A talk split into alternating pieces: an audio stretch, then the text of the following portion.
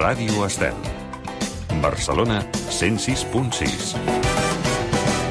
Bon dia. Avui és divendres, dia 8 de maig, i passen ara mateix 4 minuts de les 11 del matí. Una nova setmana que ens cruspim i una nova setmana que tirem endavant. Això vol dir també que és una setmana més que arxivem amb el coi de virus inclòs.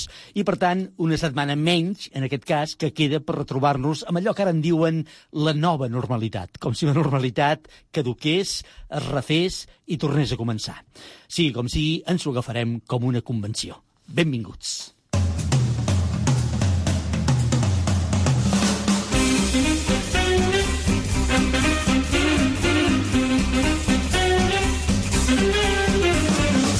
Oh, Déu meu, de dilluns a divendres d'11 a 12 del matí a Ràdio Estel. Doncs així és, a Ràdio Estel, i des de Ràdio Estel us saludem un dia més amb una nova edició de l'O Déu meu, amb aires cada vegada més normals, o si més no, que volem veure i creure com a més normals. Tot l'equip de l'O Déu meu estem normals i normalitzats, no sé si novament o antigament, però normals, o mantenim la normalitat a les últimes setmanes i prou, i ja està. El control tècnic i muntatge musical, el Jordi Carretero. Bon dia, Jordi. A la redacció, el Marc Gabernet, un home normal que vol deixar de ser-ho, si és que la normalitat és així, diu que no li interessa. Bon dia, Marc. I aquí, eh, compartint estudis i taula de Ràdio Estel, una persona que de normal en té ben poc perquè en la normalitat hi troba el sentit de viure. El Roger Cantos. Bon dia, Roger.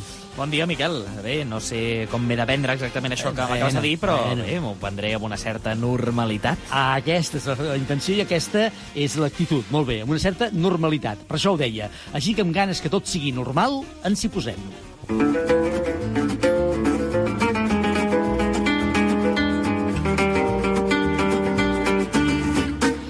Ai, abans, quan tot era normal, quan arribava el divendres, tot respirava un aire diferent, un aire de cap de setmana, en dèiem, eh? Ara, com que de setmana han quedat una mica diluïts en aquesta situació anormal de confinament, doncs la il·lusió pel cap de setmana també, val a dir-ho, s'ha perdut una mica, les coses com siguin. Ah, sí? Ah, jo he de dir que jo no, no, no ho he perdut, eh? Ah, no? No, no, jo intento que el cap de setmana doncs, sigui igual d'especial que sempre. Bé, doncs això està bé, això està molt bé, eh? però de vegades és molt difícil aconseguir això, eh? Ai, mira, Miquel, en aquesta vida es tracta de posar-hi tot el que calgui per tal d'aconseguir allò que vols. Això no és una frase meva, eh? ho vaig llegir en un llibre d'autoajuda, però me l'he tatuat. Mira, la tinc de fet tatuada aquí No, sota no, de no, no, l'esquena. no, ni m'ensenyis, no, no m'ensenyis, no, no m'ensenyis el tatuatge. Escolta, et veig molt optimista eh, i molt vitalista avui, eh? Especialment avui, no sé per què. Sí? Sí, és que no, no, no pots parar, no, no, no pots anar per la vida pensant que no hi ha res que no valgui la pena, perquè al final, eh, si tu penses que tot és igual cada dia, doncs al final és que ja et conformes amb el que tens i ja et penses que tot està bé com està. No, no, està bé, està bé, ja ho entenc, ja ho entenc. I a més subscric aquesta actitud, eh? Em sembla molt bé, em sembla molt adient per un tipus de programa com el nostre. Però el que volia dir és que en la situació en la que estem es fa molt difícil de portar a la pràctica això de la normalitat i de posar-hi una mica d'optimisme. A vegades costa, escolta, ho estem aconseguint, Miquel, ja però escolta'm, és el que et dic. Si tu vols que els caps de setmana siguin especials i diferents, Sí. doncs has de fer que ho siguin, eh? Tu has de proposar. Molt bé, et faig cas. Vinga, va, ara explica'm com tu fas. Perquè, va, una cosa és la teoria i l'altra és la pràctica, ja està. Mira, doncs és fàcil. Per exemple, jo abans aprofitava els caps de setmana per dormir una mica més. Sí? Doncs ara continuo dormint una mica més. Molt bé, això, això és fàcil. És, mira, aquesta, eh, aquesta és una, una opció fàcil. Va, Està bé. de- doncs vinga, un altre exemple. Per Sí. exemple, jo abans feia un xocolata amb xurros per Sí, esmorzar els sí. dissabtes i els diumenges. Tots els dies, eh? Els dos dies, sí, Molt sí. bé. I a vegades també divendres i dilluns també. Bueno, és igual. La qüestió... Anem a centrar-ho en dissabte i diumenge, Sí. no? Doncs ara no puc anar a la xurreria perquè en principi no, no es pot sortir, Sí. doncs eh, ara m'ho faig jo a casa. Ah, molt bé. El xocolata i els xurros tu a casa. Sí, senyor. Molt bé. I com et queden? Doncs com un xurro. Però és igual, és igual, és igual. Ja, ja, ja, ja, La intenció és el que compta. Sí, ja ho sé, eh? Bueno, no me'ls vull ni imaginar aquests xurros que deuen semblar patates fregides passades per la xurreria. Jo Bé, què de, sé. de tota manera, també et dic que ara en venen uns de congelats que no estan gens de malament. De eh? Però, sí, sí, Ah, de xurros. bé. Eh, En fi, però cadascú que faci el que vulgui. Va, què més? Per exemple, et fas una paella per dinar? No, no, no, això no. Això Ah, no? No, no sé Veu, veus? Ja no fas com abans, ja està, ja no, ja no és normal. No, ja no... però és que no, no... Saps què passa, Miquel? Que jo abans no n'he fet mai de paella, perquè no en sé de cuinar. Ah, a més a més, la paella, jo és que sóc molt tradicional, Sí. eh? I la paella, el dia que es menja no és el cap de setmana. El- La paella es menja els dijous. No saps Sí. aquella expressió de dijous paella? Mira, aquí m'has pillat, eh? Aquí m'has enganxat ben enganxat, eh? És veritat, tens raó. Doncs vinga, va, què més? El cap de setmana, va, explica'm, no? És que m'interessa Doncs, saber ah, això mira, de normalitat. Què Jo, fas? jo sóc molt del Barça. Sí? Doncs jo, els caps de setmana abans, sempre aprofitava per mirar el partit del Barça. Doncs ara continuo fent-ho. Doncs ja em diràs com tu fas, això, perquè el Barça no juga. No? Però a veure, a tu, tu poses Barça TV Sí, i sempre estan fent un partit del Barça. això és veritat. Alguns fins i tot sembla que estiguin en blanc i negre, però és igual, Sí, jo el miro, sí. jo el miro, i jo igualment doncs, em poso la bufanda, em preparo Sí. unes patatones fregides, unes olivetes, i miro Està el partit bé. del Barça. I a més a més, com que jo sóc així de tontet, Sí. sempre se m'oblida el resultat. A vegades fan el partit aquell de Stamford Bridge, es van quedar. o fan la final de la Champions, d'aquella, la del 92, Sí. i, jo, doncs se m'oblida. Llavors Està bé. ho celebro com si fos el primer cop que ho Jo miro. l'altre dia vaig mirar un partit del Barça, això, a BTV, i sortia el Figo i el Luis Enrique, jugant. Ah, I de quin, el Figo de quin color vestia? El del Barça, del Barça. Ah, del Barça, sí, vale, sí, vale, vale. sí, sí. Abans de que, abans de que Abans que fes el- salt, sí. Vale, vale, vale. Abans. En fi, molt bé, no, escolta, no sé si és exactament el mateix veure un partit del Barça, però si no te'n recordes el resultat, doncs té emoció, també. Sí, Mira, sí. Miquel, qui Ja no es entenc, conforma és perquè no vol. Sí. Eh? Doncs tot això, completat amb una mica de música, poso un capítol d'una sèrie, doncs Sí. eh, llegeixo una miqueta i ja tinc el cap de setmana fet. Molt bé, molt bé, perfecte. Mira, una d'aquestes coses que fas, eh, la lectura, és del que tractarem avui de la nostra llista de 10. És veritat, és veritat. Avui va de llibres i va de novel·les. Exactament. Així que no ens entretenim més i posem-nos amb la llista d'avui.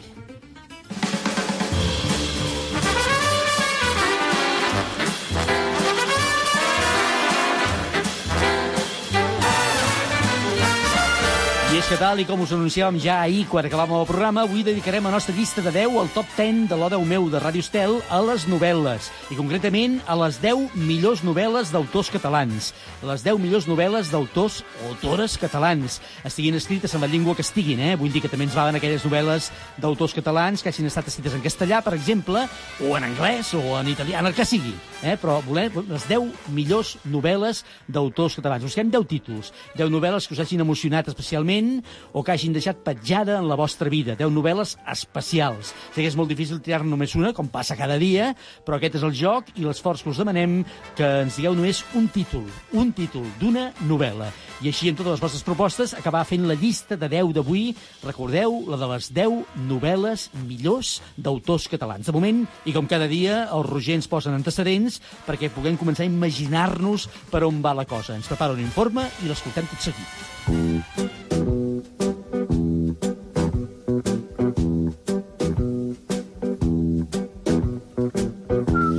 Llegim perquè ens és impossible conèixer a tota la gent a la qual desitjaríem poder escoltar. El desig és llegir i consisteix en preferir, en estimar al capdavall i regalar les nostres preferències a qui preferim i aquests subtils repartiments que poblen la nostra llibertat. He dit que la lectura és un plaer profund i solitari, però també és perquè ens permet conèixer a l'altre i conèixer-nos a nosaltres mateixos. Al cap i a la fi, com va deixar escrit Emerson, els llibres ens porten a la convicció que la naturalesa de qui els va escriure és la mateixa que aquella de qui els llegeix. En els llibres anem a sentir-nos propers i pretenem sentir-nos propers a nosaltres mateixos, però com podem transmetre als més joves aquest plaer de llegir i de pensar? Com podríem arribar a aconseguir fer-ho extensiu als que no arriben a estar a ser amants de la lectura? El que al seu dia va escriure Frank Kafka, que ja fa més d'un segle, mai li farem entendre a un noi que a la nit està ficat en una història captivadora que ha d'interrompre la seva lectura i anar a dormir. En les últimes dècades s'ha transformat substancialment el consum cultural d'Occident, encara que sembla ser que els joves, que llegeixen més que abans, la lectura els ha convertit en un, en un més intel·ligents i ha convertit aquest acte cultural i ha fet coexistir perfectament amb altres ofertes culturals com els que ens envolten, amb els entorns informàtics, la imatge o la música. A més a més, s'ha produït un canvi pel que fa a l'excel·lència escolar, que sembla ser la causa de la dissociació entre la pràctica de lectura i l'èxit escolar.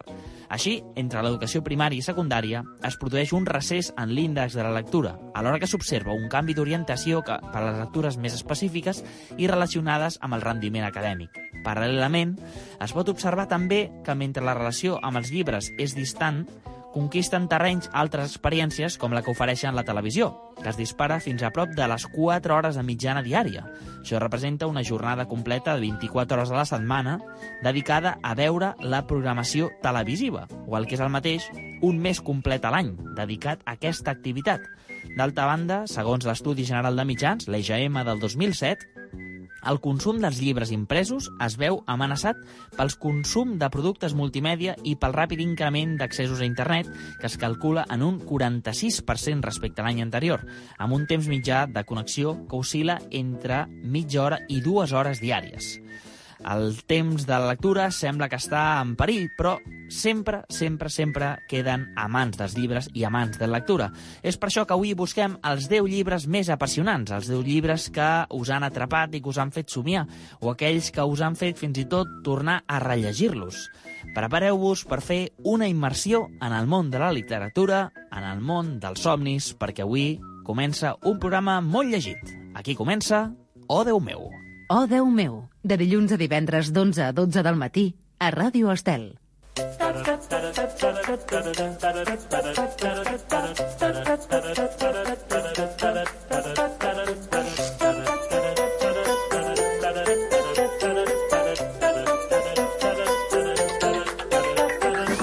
Molt bé, m'he quedat una mica esparverat amb aquestes xifres de les hores que passem davant de la televisió, eh? Un dia sencer a la setmana, 24 hores a la setmana, són moltes hores, eh? De mitjana. Òbviament hi haurà gent que hi passarà 3 dies, hi ha gent que potser n'hi passarà mig o un quart, eh? I dèiem que a l'any un, un mes. Un, mes de a l'any només davant de la televisió, eh? Evidentment, s'extén a la televisió com mirar plataformes digitals, mirar sèries als ordinadors, etc. Això, evidentment, posa en perill activitats eh, de la lectura i és científicament demostrat que cada cop la nostra capacitat de concentració, eh, fruit d'aquest tipus d'activitats, com consumir sèries, etc, en redueix, en redueix la nostra capacitat de concentració i a la vegada això ens merma la, la capacitat de lectura. Al final, quan llegeixes, et requereix, requereix estar concentrat en una única cosa i això, doncs, cada cop eh, se'n ressenteixen activitats tan enriquidores com llegir. Doncs a veure si avui amb la nostra llista de 10, amb el nostre top 10 de Ràdio Estel, el top 10 de les 10 novel·les, les 10 millors novel·les d'autors catalans, reactivem una miqueta l'hàbit per la lectura en aquells que han perdut una miqueta o els fem recuperar algun llibre que teníem mig abandonat o que volen tornar a rellegir, com tu deies, eh, perquè fa molts anys que no el llegeixen. Exacte, doncs busquem això, les 10 millors novel·les d'autors catalans. Siguin en la llengua que siguin, eh? Molt bé, Exacte. perfecte. Recordem com eh, la gent es pot fer arribar les seves opinions, les seves opcions per la llista, a través, per exemple, del nostre telèfon de WhatsApp.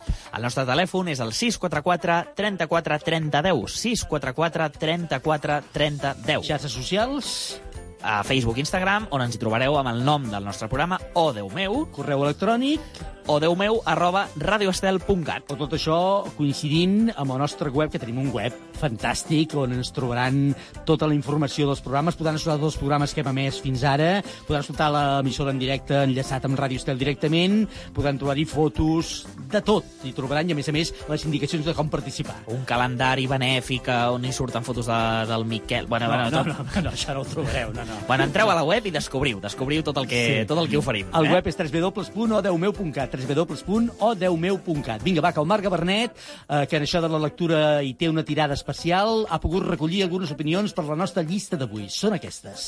La meva novel·la preferida és Mirall trencat, de Mercè Rodoreda, ja que penso que és una història molt intrigant i també amb molts girs de guió que la fan única i, a més, és molt bona per la seva època. La novel·la catalana que més m'agrada és La tardor de la llibertat de Víctor Jurado, ja que narra els fets d'octubre de 2017 a Catalunya i m'emociona molt.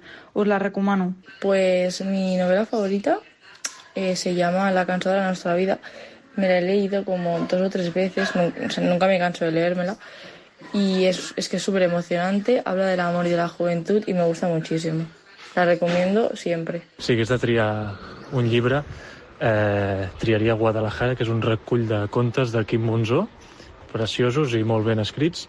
I res, no oblideu anar a comprar a les llibreries del procés a la revolta. Fotografies i textos de com es va manifestar la gent als carrers quan es va saber la, la sentència del procés. Si us hagués de recomanar una novel·la d'autor català, eh, sens dubte estaríem parlant de Últimes tardes con Teresa, de Juan Mercè, ja que a part d'enganxar eh, el lector des de la primera pàgina, és una novel·la d'aquestes que m'agraden, d'aquestes romàntiques, que, que et fan pensar i et fan reflexionar molt. Oh, Déu meu!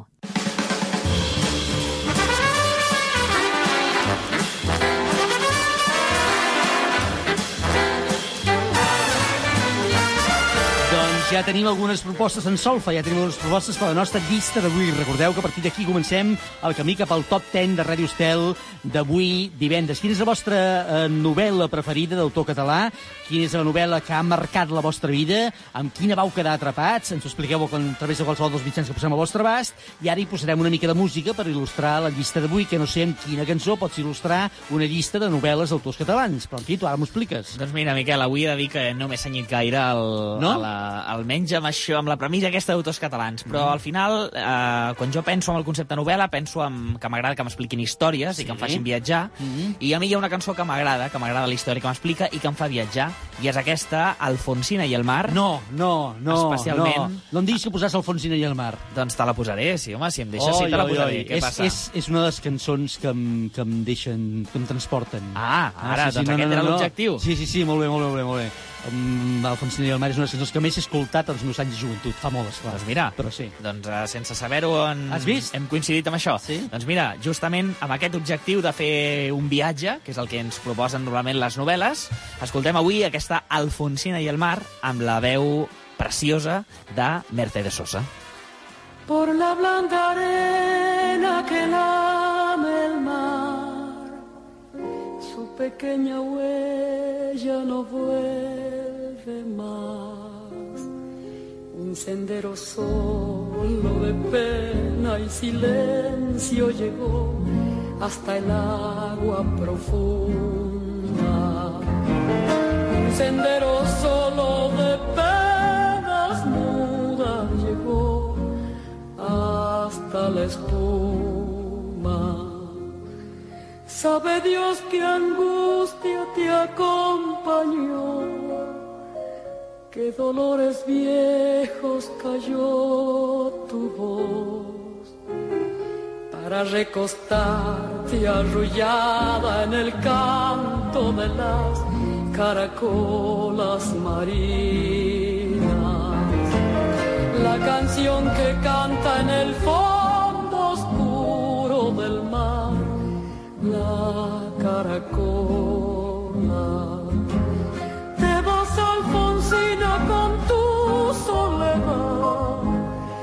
Poemas nuevos fuiste a buscar, una voz antigua de viento y de sal.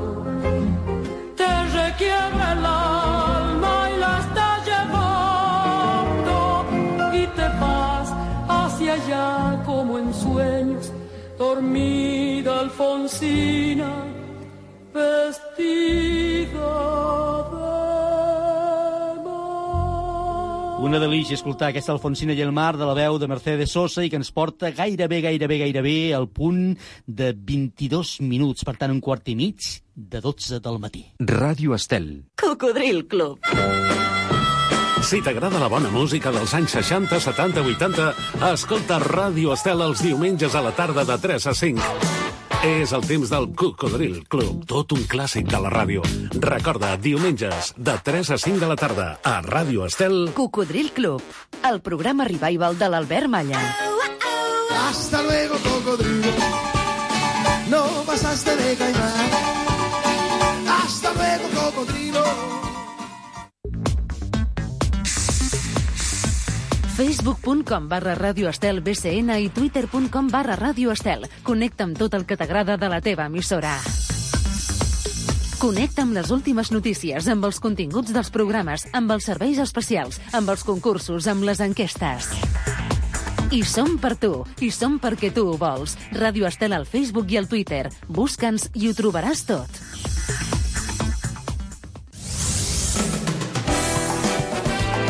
Ràdio Estel.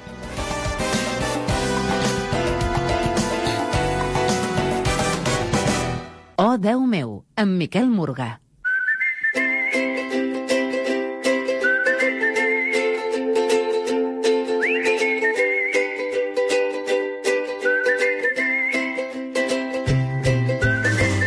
Avui a l'O10 meu de Radio Estel busquem el títol de 10 novel·les. El títol de 10 novel·les que pel que sigui us hagin atrapat alguna vegada i signifiquin alguna cosa especial per a vosaltres i, que la, i també per la vostra personalitat com a lectors.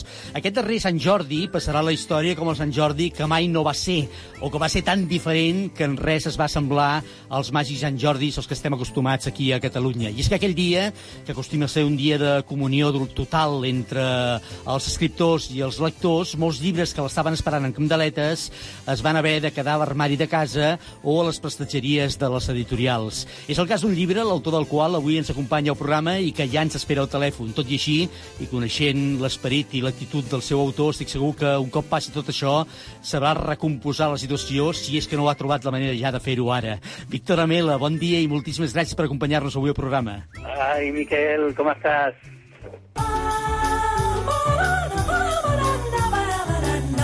Víctor Amela és periodista i escriptor, col·laborador habitual en diferents mitjans de comunicació, autor d'un munt de llibres, 16 si no m'he descomptat, i creador d'un dels espais de la premsa escrita amb més solera, història i bona reputació a l'avantguàrdia, a la contra, concretament, on hi ha realitzat tantes entrevistes que no estic segur que pugui recordar-les totes.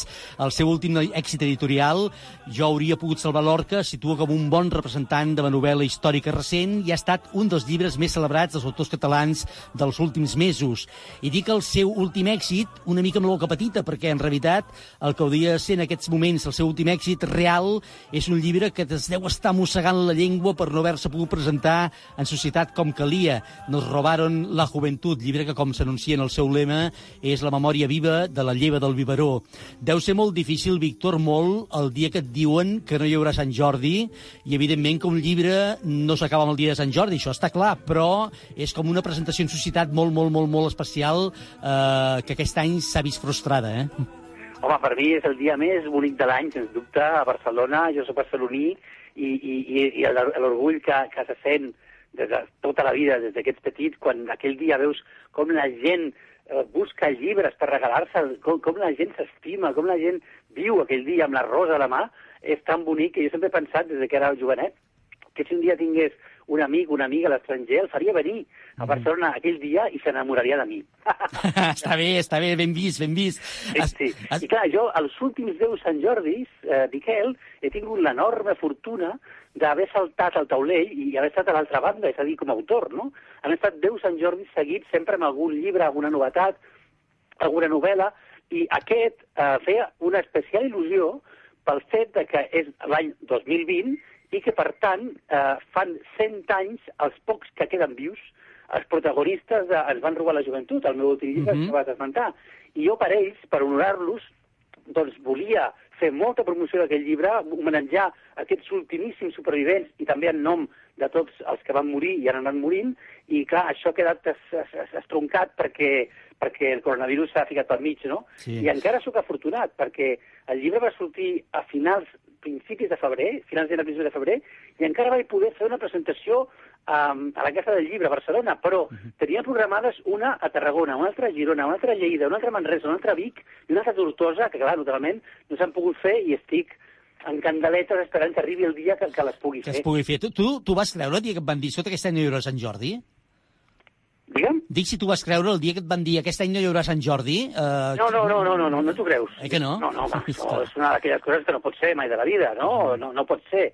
I després, quan ja fas a la idea d'una un, petita depressió, un baixón, però després jo em vaig venir a, cap amunt perquè vaig dir, ostres, mira, tenim aquesta eina, que és l'Instagram Live, que, que altres, altres companys la, la, la, la feien servir, i jo vaig instal·lar a casa meva una tauleta amb els meus llibres, Sí. em vaig ficar el, el mòbil davant i vaig anunciar per les meves xarxes que el dimecres a les 7 de la tarda faré una xerrada d'una horeta de llibres, dels meus, però també d'altres llibres. I jo he anat fent durant, durant diversos dimecres, en particular també el dia de Sant Jordi, de fet aquell dia em vaig programar tota una sèrie de connexions amb amics, amb altres escriptors, i vaig estar tot el dia treballant com si fos el dia del llibre d'una caseta amb una altra i vaig acabar esgotat, però molt content d'almenys no haver estat ensimismat jo sol i deprimit amb el meu llibre, sinó haver pogut compartir amb altres lectors i, i autors, doncs, parlar de llibres aquell dia. Recordo perfectament, fa uns dies, eh, això destaca aquest aspecte positiu i vitalista del Víctor Amela, haver vist, suposo que seu a Instagram o alguna d'aquestes xarxes, Mhm. eh, una, una nota que posava el meu Sant Jordi, el teu balcó amb una tauleta i uns llibres, eh? eh i... Sí, eh, va ser a les 7 del matí. Jo, jo sempre, a cada Sant Jordi, aquests últims 10 eh, Sant Jordis, que et deia, de- 10 Sant Jordis, eh, m'aixeco molt d'hora perquè m'agrada veure sortir el sol. Tinc un balcó que just està orientat cap a la sortida del sol per la ronda litoral i, i m'agrada saludar-lo i dir, ostres, ara comença un dia fantàstic, el millor dia de l'any. I clar, no volia deixar-ho de fer en aquest Sant Jordi. Em vaig seure al meu balcó esperant la sortida del sol a, a les 7 menys 10, vaig fer una foto, la vaig penjar a les xarxes dient, senyors, comença el dia de Sant Jordi, jo estic aquí amb els meus llibres i després parlaré amb vosaltres a través de la xarxa. És a dir, que encara sort tenim de tenir aquestes eines que ens permeten Cert. mantenir la connexió amb els altres perquè som animals socials i, i, i hem inventat justament aquestes pròtesis, com això que estem fent ara tu i jo. Sí, sí. Eh? El telèfon i la ràdio, he inventat aquestes pròtesis perquè no podem viure sols. Mira que a mi m'agrada estar sol, eh? Mhm. però, però, però, òbviament, l'espècie tira cap a la connexió i cap a, cap a la convivència i el compartir. Estar sol està molt bé, però quan un ho decideix i quan un vol i quan un li ve de gust, no perquè sigui per força, eh? Escolta, ara tornarem al llibre, però, escolta, fa uns anys que tens la directa posada en això de les novel·les i cada any no, però gairebé, gairebé cada any ens arribes amb un nou títol i has agafat el tranquil·lo, eh?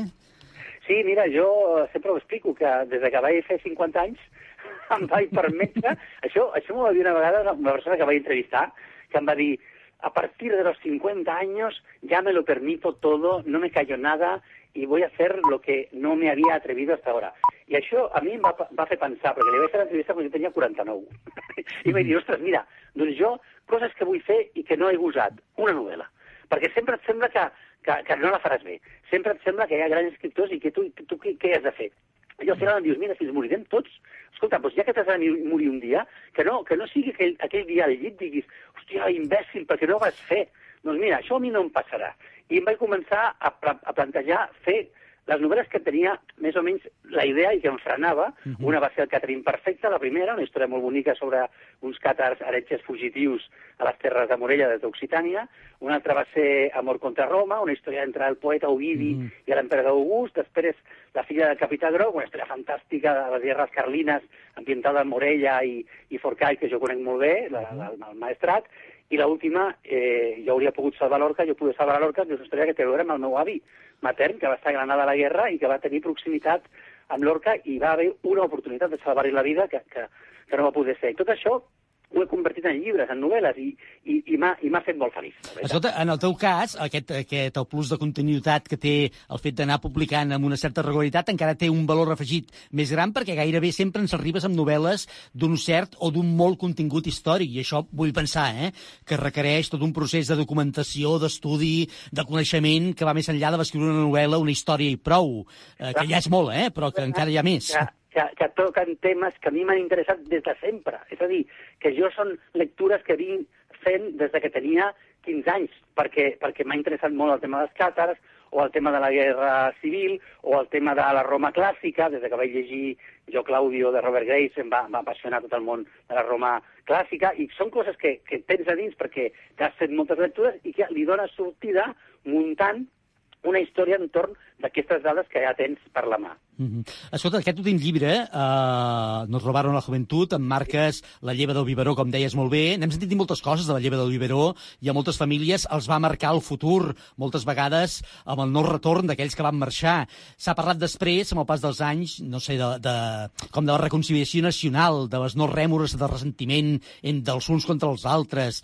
Ara, l'any 2020, creus que ja està tot superat? Eh, Ho dic perquè de vegades ens agafa una mica de mal de ventre. De manera, mira, Eh, que no? ara estic parlant amb tu i, i eh, ens estan escoltant eh, a Ràdio Estel moltes persones. Uh -huh. Jo estic segur de que totes les persones que ens estan escoltant, totes, tenen una història a la seva família d'un tiet, com és el meu cas, que va anar a la batalla de l'Ebre, o un tiet avi, o un avi, o un cosí de l'àvia, que els hi va passar coses tremendes en la guerra civil, que la seva família no han parlat d'aquest tema perquè és incòmode, i aquest silenci l'hem heretat. Per tant, ens estan escoltant persones ara, eh, Miquel, que tenen dins una història que no saben molt bé quina és, però que saben que, hi ha, que, que és dins d'ells. I això naturalment que ens condiciona. Per tant, totes les coses que estan passant a, a dia d'ara a la política, totes tenen a veure amb, amb el que li va passar a la nostra família a la guerra. Clar que és viu. I per això jo volia fer aquest homenatge. Jo volia dir, escolteu, ens hem d'explicar les històries, totes, com si fossin novel·les, que no ho són, però com si fossin històries apassionants i terribles i tremendes, i entendre que venim d'elles, que som fills, mm -hmm. fills i nets d'aquestes històries, i reconciliar-nos amb nosaltres mateixos. És a dir, entendre que aquelles persones pobretes els hi van passar coses que ells no volien que els hi passessin, mm -hmm. i que la vida s'hi va passar per sobre, i que les idees que tenien, no, no que tenien, que, que els tenien amb ells, perquè són les idees mm -hmm. les que ens tenen a nosaltres, no al revés. Els hi van fer fer coses i els hi van portar a llocs que segurament no haguessin volgut. Per, per tant, reconciliem-nos amb les històries de la família, expliquem-les, compartim-les i, i, i tirem endavant amb un somriure compassiu de, ostres, perdonem-nos tot perquè, uh -huh. perquè va, ser, va ser una desgràcia. I aquell llibre una miqueta té, té aquest interès, aquesta funció. Uh -huh. Escolta, estem vivint un període de la nostra història social i política que dona poques opcions a allò que s'ha vingut a anomenar eh, últimament l'equidistància, no? no? No hi ha marxes pels grisos, tot és, sembla que ha de ser o blanc o ha de ser negre, i no sé, no estic segur que hi estiguis gaire còmode amb aquesta, amb aquesta jo, panorama. Jo, jo soc molt, molt, tinc molta fe en la literatura, en l'art, en la poesia. És a dir, jo crec que sí, tot el que tenim a dins, en comptes de treure-ho amb ràbia, en comptes de treure-ho agafant el pal d'una bandera, en comptes de treure agafant un emblema d'un partit, en comptes de treure-ho a fora, enfrontant-nos amb un altre, perquè sembla que necessitem barallar-nos, necessitem que hi hagi davant un altre per sentir-nos bé i per barallar-nos, si no sembla que, que t'estan aixafant. En comptes d'això, per què no expliquem històries? Per què no expliquem el que ens ha passat? Per què no expliquem el que sentim? Per què no expliquem el que li va passar a l'àvia i a l'avi? Jo crec que fent això i escoltant cadascú la història de l'altre, la cosa aniria molt millor.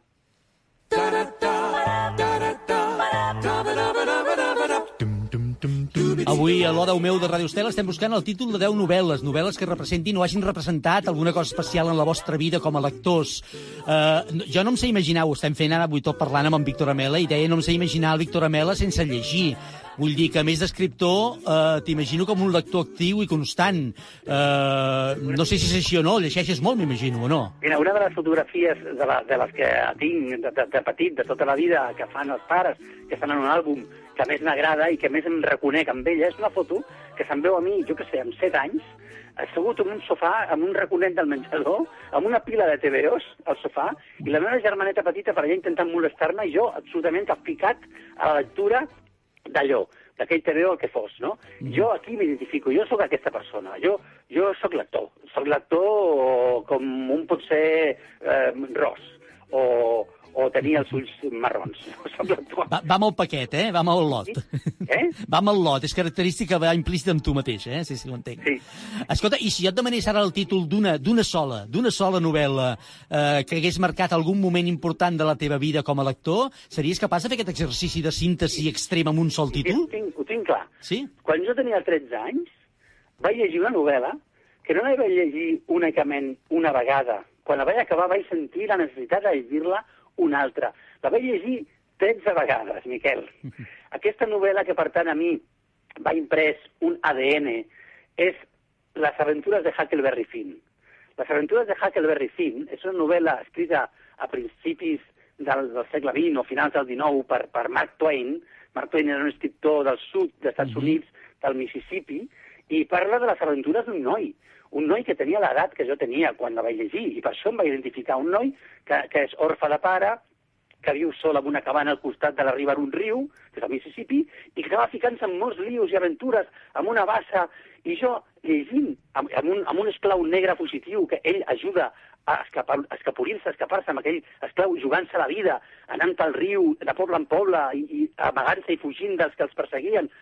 Això a mi em, em va fer tastar el sabor de la llibertat. Mm. Jo vaig entendre en aquell nen descalç que feia el que, el que li donava la gana enmig de la natura, que allà estava atacant la llibertat. I jo vaig sentir-me identificat. Jo vaig tenir l'ànsia de llibertat que vaig aprendre llegint les aventures de Huckleberry Finn de, Tom, So- de Mark Twain. Escolta, però si, si agafo això que dius com a una, una veracitat, vaja, com una cosa certa i, a més a més, real, vol dir que hi hauria, mm, hi ha d'haver, o hi ha molts lectors al món que ho són gràcies a la sort que han tingut de llegir una primera novel·la que els, amb la qual s'hagin identificat i que potser n'hi ha que no saben que són bons lectors precisament per no haver tingut aquesta sort.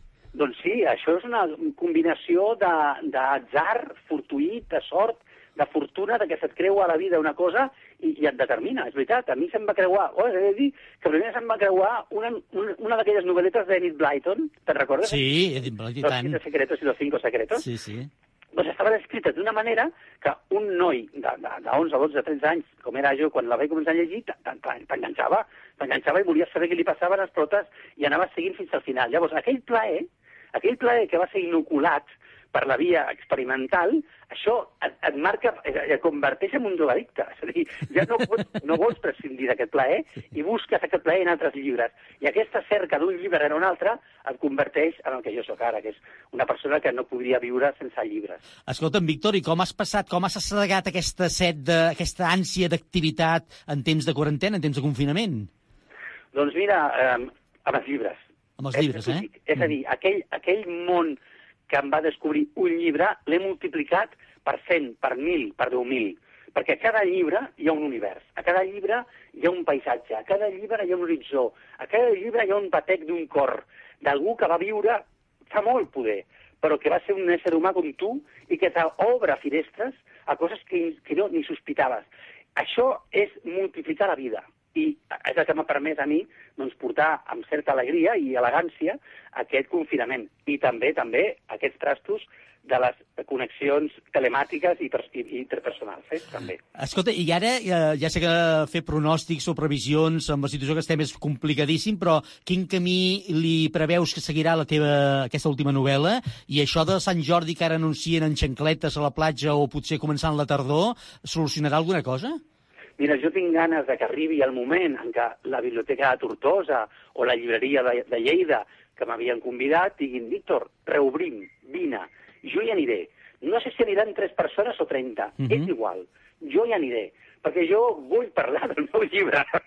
jo vull explicar el meu llibre i compartir-ho amb altres persones. I m'és igual que siguin tres amics o 30 persones de públic, però ho faré. Serà la meva empenta és que no puc deixar de fer-ho, és que no té cap mèrit, és el que vull fer.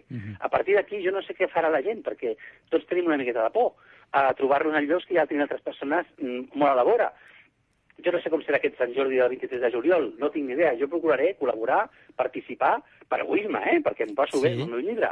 Ara, suposo que serà una miqueta trist aquell moment que no puguis petonejar aquella lectora tan maca que ve a saludar-te. Aquest, aquest serà un altre trauma que haurem de superar i espero que ho puguem superar aviat o podem recuperar aviat el fenomen o la, la política i l'educació en l'abraçada i en els petons, que tan bonic Ens és. costarà una mica, però bueno, Sí. a poc a poc jo crec que ho, ho recuperarem. Ara, no, no serà el juliol, millor serà al, al desembre, però ho, ho recuperarem perquè som animals que necessitem el contacte amb els altres. Víctor Amela, sempre un plaer parlar amb tu, ja ho saps, t'agraïm molt la teva generositat i la teva amabilitat i espero que amb Sant Jordi o sense, amb Sant Jordi estiuenco tardorenco, com sigui, el teu últim fill literari, aquest Nos robaron la juventud, vagi molt bé. Per cert, hi haurà també versió en català, com és habitual en els teus llibres? Dir, Existeix la versió en català, Mhm. ens, ens van robar la joventut, que és el que tots els protagonistes em diuen, aquests nois. Bueno, nois, ara són persones de 100 anys, no? Eh, entrevista 25 i al llibre encara queden vi, 9 vius. No, 7, que dos pobrets s'han mort aquests dies. I, i nos robaron la joventut. I t'he de dir que just abans del confinament els dos llibres ens van robar la joventut i nos robaron la joventut estaven entre els 10 més venuts a Catalunya. Per tant, no puc queixar-me. Una abraçada molt gran, Víctor, fins ben aviat i a veure si aquesta abraçada la fem, la fem física algun dia, que no sigui, que no cal que esperem l'any que ve, a veure si pot ser abans, no ho sé. Que vagi molt bé, adeu-siau. Igualment, abraçada. Oh, Déu meu, cada dia una llista de 10 per enriquir la nostra vida. Ba-ba-dum,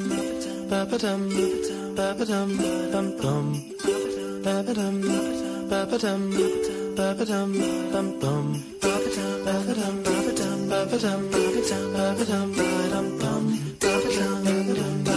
Ba-ba-dum,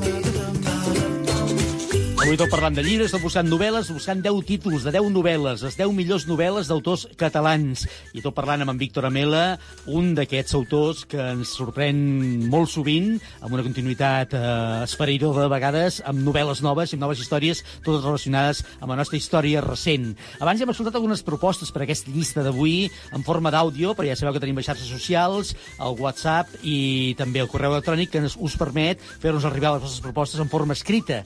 I ara el Roger està fent aquí càbales per veure'ls tot. Et plantifiques aquí quan arriba aquest moment? Et poses aquí tota una sèrie de dispositius aquí a la taula, escampats, per no perdre's res? Sí, sí, i encara, sí. encara necessito un parell de tablets que d'això volia parlar amb tu, precisament, Sí? perquè això Ah. ho hauríem de descomptar de producció del programa. Ah. Eh? Necessito Ah. un parell d'iPads i un Ah. Mac, també. Eh? Tot això necessites? Sí, és necessitat del programa, no és que jo ho necessiti... I no et serveix aquest ordinador que tens aquí, aquest Home. PC que tens aquí Radio Estel? Aquest ordinador, Que- posa? Aquest ordinador, quina marca és? No sé, No, no, sé. sé, eh? què vol dir? Què vol dir quina marca és? No sé, Funciona, no, pots connectar-te, pots mirar els correus, pots mirar-ho tot. Però si és d'aquests antics que té un tub que... que Bueno. No, no, aquest no, aquest, aquest és el de l'exposició. Dic aquest Ah, altre, ah, aquesta ah. pantalla que tens aquí, home. Bueno, no, tu vols tablets, si vols iPads, si vols no sé què, eh? I Bueno, Macs. Jo, jo, jo tot pel programa, Miquel. Fes una que- llista, fes una proposta sí. i ens ho estudiarem. Perfecte, eh? perfecte. De cara al pressupost de l'any que ve, ho mirarem. Molt bé, doncs uh, vinga, passem a les propostes dels nostres oients, que ens han fet moltes. Eh? A més a més, avui recordem que busquem les 10 millors novel·les escrites per un autor o una autora català. Sigui eh? en català, sigui en castellà, sigui en anglès, sigui en euskera... Un autor català pot escriure en euskera, també. Sí, de poder, Eh, de poder pot, sí, sí,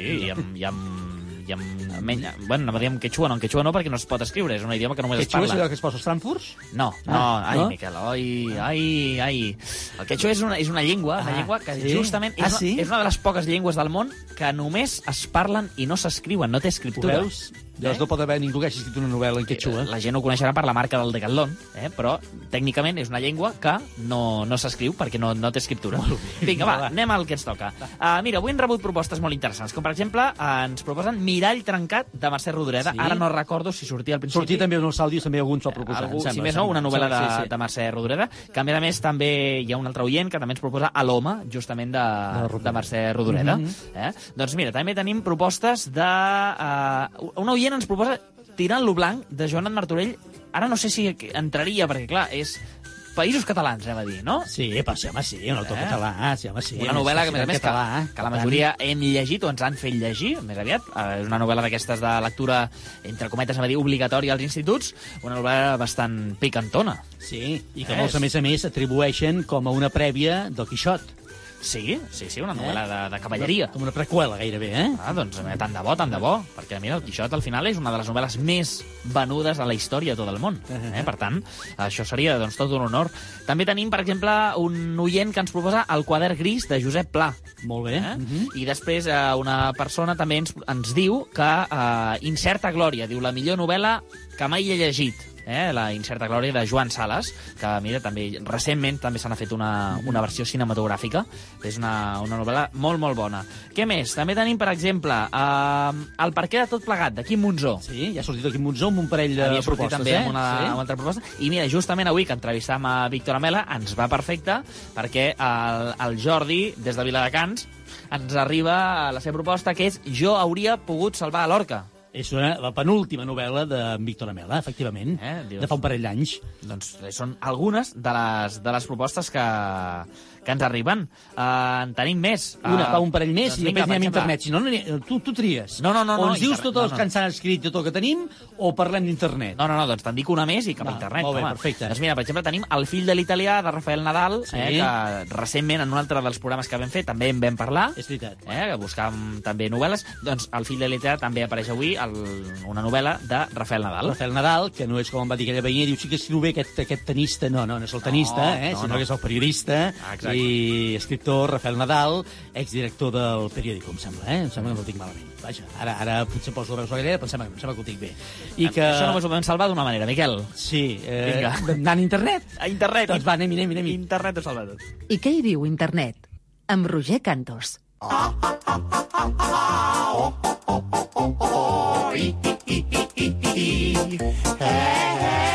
Potser no era el periòdico, potser era el Vanguardia, però era director d'un diari, és igual. Home, home, Miquel, a veure si, clar, és com si No, home, no. era entrenador del Barça No, o era del Madrid. No, home, no, el Vanguardia no, no, i, el, i el periòdico tampoc són el Barça i el Madrid, però en fi, Bueno, bueno. Era, era del Vanguardia. Pregunta'ls als seus directors. Abans del Màrius Carol, jo crec que era en Rafael Nadal. El Rafael Nadal. Bé, és igual, uh, un periodista extraordinari i un escriptor que no para d'estar en els últims Sant Jordi i les llistes de, habituals dels últims anys, en els primers llocs, capdavanter amb les seves novel·les. Va, què diu internet? Doncs mira, avui he buscat curiositats. Curiositats del món de la literatura, en general. Sí? Eh? Me n'he anat una miqueta d'aquest... No, eh, no te n'has anat, literatura, està bé. Sí, eh? De, dins del món de la literatura doncs he buscat aquestes curiositats. I resulta, mira, eh, que existeix... Justament tu ara fa poc mencionaves el Quixot i Sí. igual hi ha gent que ho sap, però igual hi ha gent que no. Però existeixen diverses versions apòcrifes de, del Quixot. Eh? La més coneguda, en especial, és la que va escriure Alfonso Fernández de Avellaneda, que es titulava Segundo tomo del ingenioso hidalgo de Don, Quij Don Quijote de la Mancha.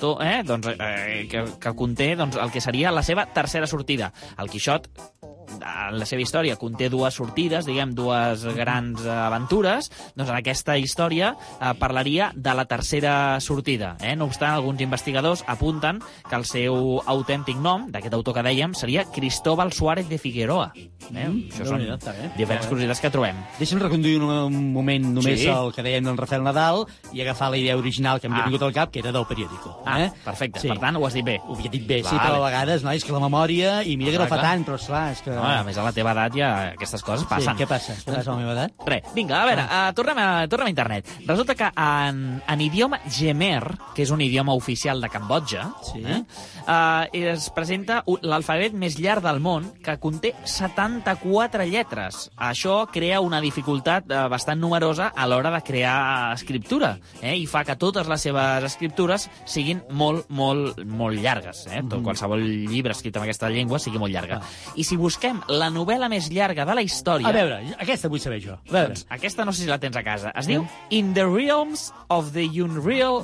no em sona, no em sona. No, em sona, eh? Cosa perquè no res del que has dit. Doncs, eh, bueno, Miquel, és que, clar, has d'estudiar Sí, anglès, Miquel. sí, ja ja, ja. Jo, T'has d'actualitzar. eh? Sí. Doncs eh, aquesta novel·la va ser escrita i il·lustrada per, per la, un artista marginal anomenat Henry Darger. I que devia tenir poca feina. Doncs mira, tan poca feina que va trigar 7 anys a completar les seves 15.145 pàgines distribuïdes en 15 immensos volums. Per tant, una novel·la de 15.000 pàgines, eh? I 15 volums. 145 exactament, amb Déu-n'hi-do. 15 volums eh, escrites doncs, per aquest autor. Per llegir el tren, vaja. Doncs una novel·la lleugereta. Eh? Uh, mira, uh, segons la RAE, això ja és una cosa més curiositat per, per si Sí? vols sorprendre Sí? algú. Veure, eh? Segons la RAE, les cinc paraules més utilitzades Ah, en, això en espanyol... A veure, en espanyol, eh? Sí, En la castellà. RAE sabem que és la Real Acadèmia Sí? Espanyola. Les cinc paraules més utilitzades, evidentment, també en els llibres, se suposa. En aquest ordre, eh? Sí, a veure. Són de, apunta, la, Ah, va, estàs dient les paraules ja. Sí, o home, sigui, sí, sí, ah, no- sí, la, no és que sigui la preposició de, eh? Miquel, no és, que, no és que sigui tartamut.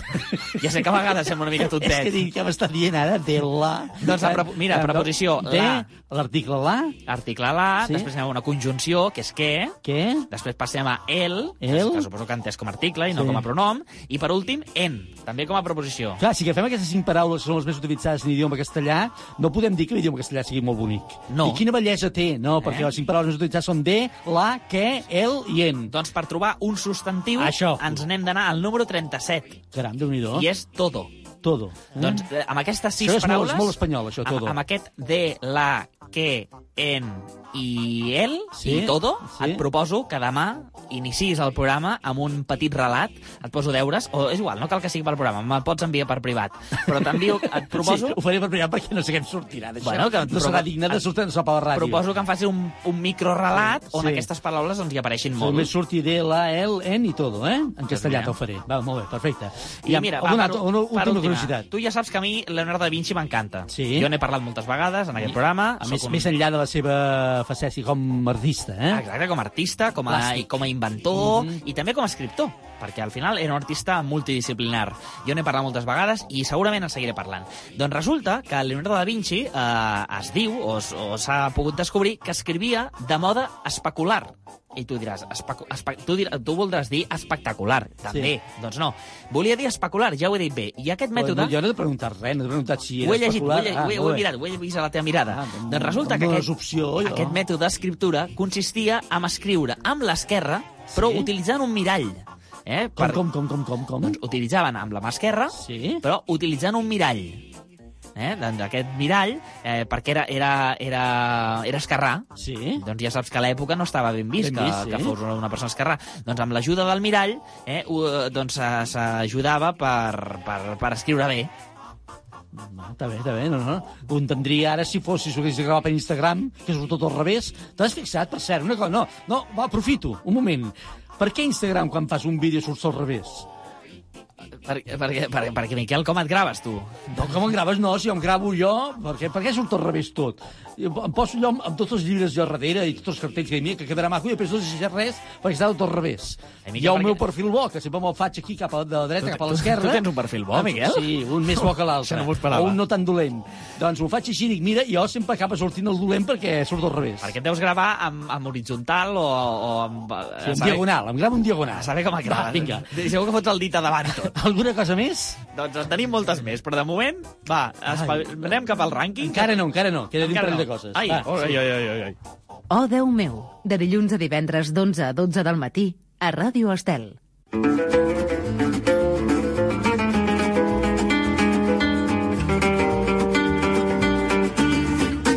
Un parell de coses de tràmit i que ens agrada molt dir, per exemple, que entre tota la gent que ha participat avui a la Déu meu, com fem cada dia, sortejarem un lot de vins Lovers Wine Elegance Mm. amb el vi Pepe Rubianes com a capdavanter. Al capdavant del lot hi ha el vi Pepe Rubianes, l'actor galaico català que ha donat nom a aquest vi, de Lovers Wine Elegance. Doncs estarà dins del lot que regalarem. Jo uns vins que no coneixia i des de que hem començat el No programa... pares, eh? No paro de veure cada nit un gotet de vi i escolta tu... Sopant, eh?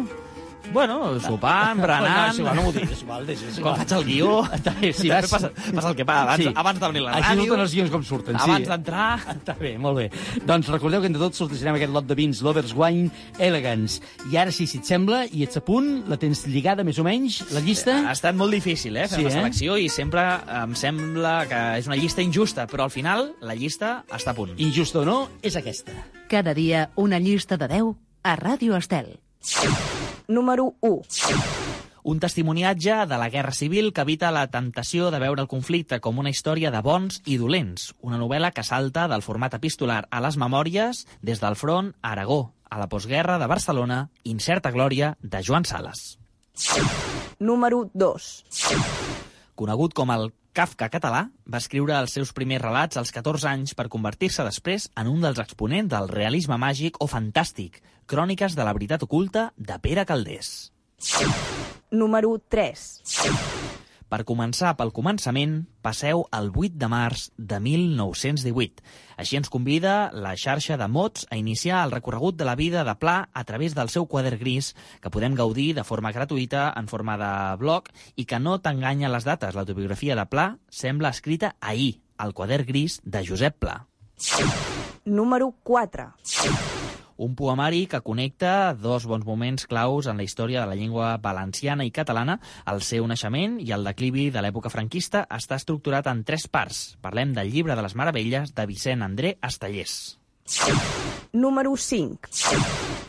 Càmfora, substància semisòlida, cristal·lina i cerosa de forta olor. També una de les millors novel·les contemporànies a la nostra llengua que potser no coneixes. El món va descobrir la literatura de Barbal amb Pedra de Tartera i Maria Barbal ens presenta la seva novel·la Càmfora. Número 6. En Mateu creix en una família trencada que no se sent seva. Des de petit lluita per deixar enrere els crits, les baralles i la misèria de la mina, la casa més pobra de Caldes de Maravella, la que tothom habita. Aviat descobreix que els seus orígens amaguen darrere un secret del qual ningú no en parla, el fill de l'italià de Rafael Nadal. Número 7.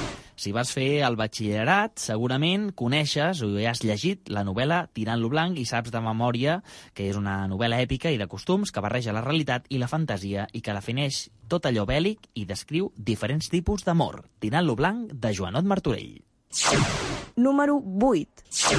30 relats amb títols tan variats i suggeridors com La honestitat, La immolació, L'eufòria dels troians o per què les busques dels rellotges giren al sentit de les busques dels rellotges. Relats breus, humorístics, escrits per Quim Monzó a El perquè de tot plegat. Número 9.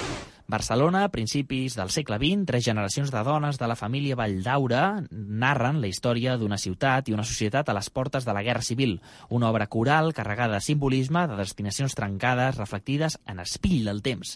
Tota obra de Rodoreda és magistral, però aquesta és la novel·la que definitivament no t'has de perdre. Mirall trencat, de Mercè Rodoreda. Número 10. Aquesta novel·la reconstrueix la vida de Manuel Bonilla, l'avi de Víctor Amela, un pastor d'Alpujarra convertit en passador clandestí de persones d'un costat a l'altre del front de guerra a Granada. Jo hauria pogut salvar a l'Orca, de Víctor Amela.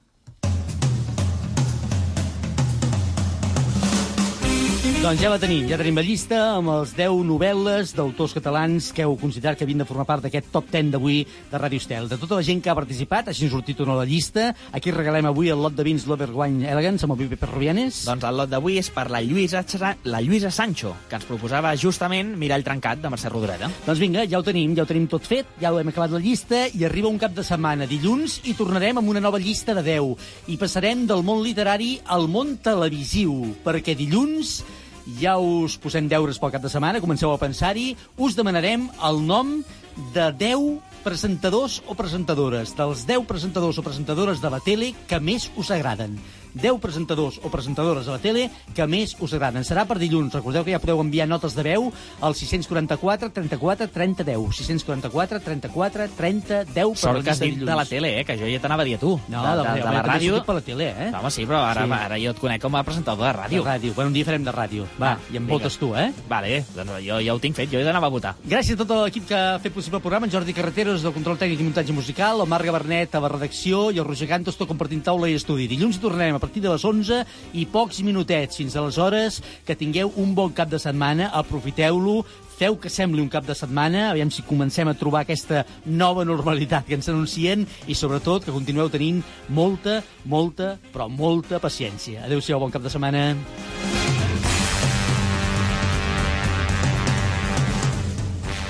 Oh, Déu meu, amb Miquel Morgà.